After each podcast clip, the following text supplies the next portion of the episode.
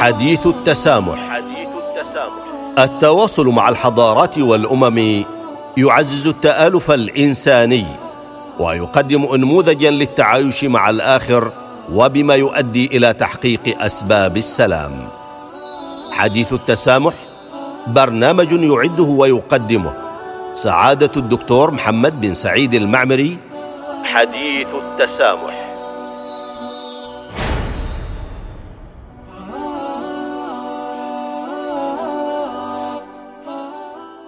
بسم الله الرحمن الرحيم الحمد لله والصلاه والسلام على رسول الله وعلى اله واصحابه اجمعين والتابعين لهم باحسان إلى يوم الدين ايها المستمعون والمستمعات لاذاعه الصمود السلام عليكم ورحمه الله تعالى وبركاته واهلا وسهلا بكم في حلقه جديده من حديث التسامح وما يزال حديثنا اتماما للحلقه السابقه حول الجهود الوطنية لدول الخليج في مواجهة التطرف الفكري. وكنا قد ذكرنا أن دول الخليج مجتمعة قامت على معالجات قانونية وإعلامية تحد من التطرف مثل إصدار اتفاقية دول مجلس التعاون لدول الخليج العربية لمكافحة الإرهاب والتي صدرت عام 2004 والاستراتيجية الأمنية الموحدة لمكافحة ظاهرة التطرف المصحوب بالإرهاب لدول مجلس التعاون لدول الخليج العربية عام 2003 كذلك منذ عام 2015 يتم تناول مواضيع التطرف وحملات الكراهية والتعصب في اجتماعات المجلس. وكنا ذكرنا أيضا جهود دول مجلس التعاون لدول الخليج العربية منفردة وجهودها في هذا المجال وذكرنا جهود سلطنة عمان والمملكة العربية السعودية ودولة قطر نتم في هذه الحلقة الحديث حول دولة الكويت. أعدت دولة الكويت مشروع الدولة لمكافحة التطرف والإرهاب في إطار الخطة الخمسية للتنمية 2010 إلى 2014 وقامت بإنشاء اللجنة العليا لتعزيز الوسطية وصادقت دولة الكويت على الاتفاقية الدولية لقمع وتمويل الإرهاب لعام 1999 بموجب القانون رقم 85 على 2013 وإصدار الكويت القانون رقم 106 لسنة 2013 بشأن مكافحة غسيل الأموال وتمويل الإرهاب. وأصدر مجلس الوزراء الكويتي القرار رقم 1396 في نوفمبر 2013 بتشكيل لجنة لتنفيذ قرارات مجلس الأمن المتعلقة بالإرهاب وقامت دولة الكويت بتأسيس مركز تعزيز الوسطية ويعمل على نشر ثقافة الاعتدال والتعايش من خلال البرامج والفعاليات والمنشورات المتخصصة. وأنشأت كذلك لجنة المناصحة لتأهيل أصحاب الفكر المتطرف والمتأثرين بهم. وتقيم وزارة الأوقاف والشؤون الإسلامية في الكويت سنويا سلسلة من الندوات لمواجهة التطرف الفكري وخطاب الكراهية. وأما في مملكة البحرين فيقوم مركز عيسى الثقافي بأدوار مهمة في مجال مواجهة التطرف وكذلك المؤسسة البحرينية للحوار وتم عقد مؤتمر شباب ضد التطرف عام 2016 والذي أوصى بالعمل على وضع استراتيجية شاملة لمكافحة كافة صور الكراهية والتطرف والعنف. وقامت مملكة البحرين بإصدار قانون في عام 2006 بشأن حماية المجتمع من الأعمال الإرهابية والبحرين حليف مشارك في التحالف الدولي لمحاربة الإرهاب وهي عضو في مبادرة اسطنبول للتعاون المتعلقة بحوار الحضارات. وقدمت البحرين مقترحها عام 2009 لدى مجلس التعاون لدول الخليج العربية لإنشاء مركز لمكافحة الإرهاب على مستوى الخليج.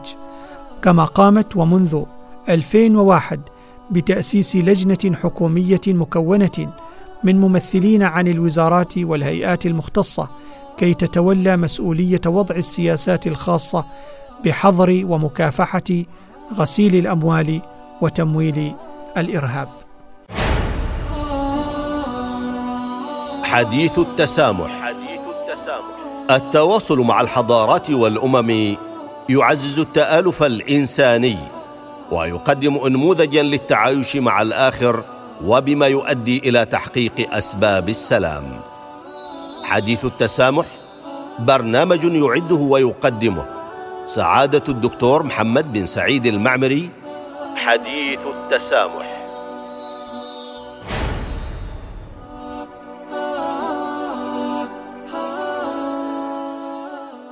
تبرز تلك الجهود التي قامت بها مؤسسات في دول الخليج العربية. الاهتمام الكبير الذي توليه الحكومات الخليجية في مكافحة التطرف الفكري والإرهاب.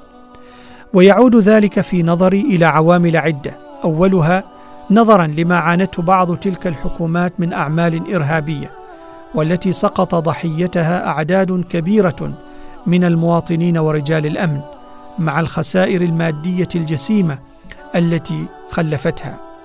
ثانيها الموقع الاستراتيجي التي تتمتع به دول الخليج العربية مجتمعة في خارطة العالم. إذ تقع على خطوط الملاحة العالمية وتملك هذه الدول مخزونات ضخمة من النفط السلعة الأساسية في التجارة والصناعة عالميا. فلذا يعد استقرارها مهما في الحفاظ على استقرار العالم وضمان وصول الإمدادات النفطية إلى الأسواق العالمية. ثالثها أن دول الخليج تعتبر التطرف ظاهرة تتعارض مع تعاليم الدين الإسلامي الحنيف والقيم والمبادئ الأخلاقية والإنسانية التي تؤمن بها شعوب المنطقة. وعلى الرغم من ذلك الاهتمام من قبل الحكومات الخليجية إلا أن وتيرة بعض الأعمال الإرهابية ما تزال موجودة مع اتساع رقعتها وتنوع أساليبها وهو ما يزيد من حجم التحديات التي تواجهها حكومات وشعوب في المنطقة والمسؤوليات التي تتحملها في سبيل إحلال الأمن والاستقرار. وكنتيجة لذلك أقرت دول مجلس التعاون الاستراتيجية الأمنية لمكافحة التطرف المصحوب بالإرهاب عام 2002 ميلادية وأصدرت في العام ذاته إعلان مسقط بشأن مكافحة الإرهاب. وتوصلت دول المجلس في عام 2004 إلى التوقيع على اتفاقية دول مجلس التعاون لمكافحة الإرهاب التي صادقت عليها معظم دول المجلس وأصبحت نافذة بموجب المادة 46 للدول التي أودعت وثائق التصديق عليها لدى الأمانة العامة لمجلس التعاون. وتفعيلا للمادة 42 بشأن وضع الآليات والإجراءات والنماذج اللازمة لتنفيذ أحكام هذه الاتفاقية توصلت لجنة دول مجلس التعاون لمكافحة الإرهاب في اجتماعها العاشر إلى وضع قاعدة بيانات مشتركة تتلخص أهدافها في متابعة تنفيذ بنود الاتفاقية والوقوف على مدى تقدم دول المجلس في مكافحة الإرهاب وإعداد تقرير سنوي لجهود دول المجلس في مكافحة الإرهاب وإمكانية الاستفادة منه لاستعراضه في المحافل الإقليمية والدولية وتبادل الخبرات والتجارب. كما تم تنفيذ الفقرة 2 من المادة 9 من الاتفاقية المشار إليها وهي الاستراتيجية الأمنية لمكافحة التطرف المصحوب بالإرهاب والتي من شأنها الإبلاغ عن العناصر الإرهابية أو التي يشتبه في اتصالاتها أو ارتباطها بهذه العناصر حيث أنشأت دول المجلس اللجنة الخليجية الدائمة للقائمة الإرهابية الموحدة وهي لجنة متخصصة لدول المجلس تهتم بدراسة إدراج أو تعديل أو رفع أسماء الجماعات والمؤسسات والكيانات والأفراد المنتمين للمنظمات الإرهابية أو المرتبطين بها أو المنشقين أو المتفرعين عنها أو المتعاونين معها في قائمة خليجية موحدة على أن ترفع اللجنة توصياتها مسببة ومفصلة لاجتماعات أصحاب السمو والمعالي وزراء الداخلية لاتخاذ ما يرونه مناسبا. كما تم في العام 2006 تشكيل لجنة أمنية دائمة مختصة بمكافحة الإرهاب تعقد اجتماعاتها بشكل دوري سنوي كإحدى اللجان الأمنية المتخصصة. ويمكن القول من نتاج تلك الجهود التي تقوم بها دول مجلس التعاون في دول الخليج العربيه بأن الأمن الاجتماعي متحقق وبشكل عام من خلال وجود المقومات الأساسية له كسيادة القانون ووجود عناصر التكافل الاجتماعي بين أفراد المجتمع في المجتمعات الخليجية والمشاركة المجتمعية التي تتم بين أفراد المجتمع والمؤسسات الحكومية ووجود قيم التسامح والتعايش بين مكونات المجتمع الخليجي كقيم إنسانية معرفية متعمقة الجذور في تلك المجتمعات عدا وجود بعض مظاهر التطرف والإرهاب في بعض فئات المجتمع التي ظهرت في بعض دول المجلس.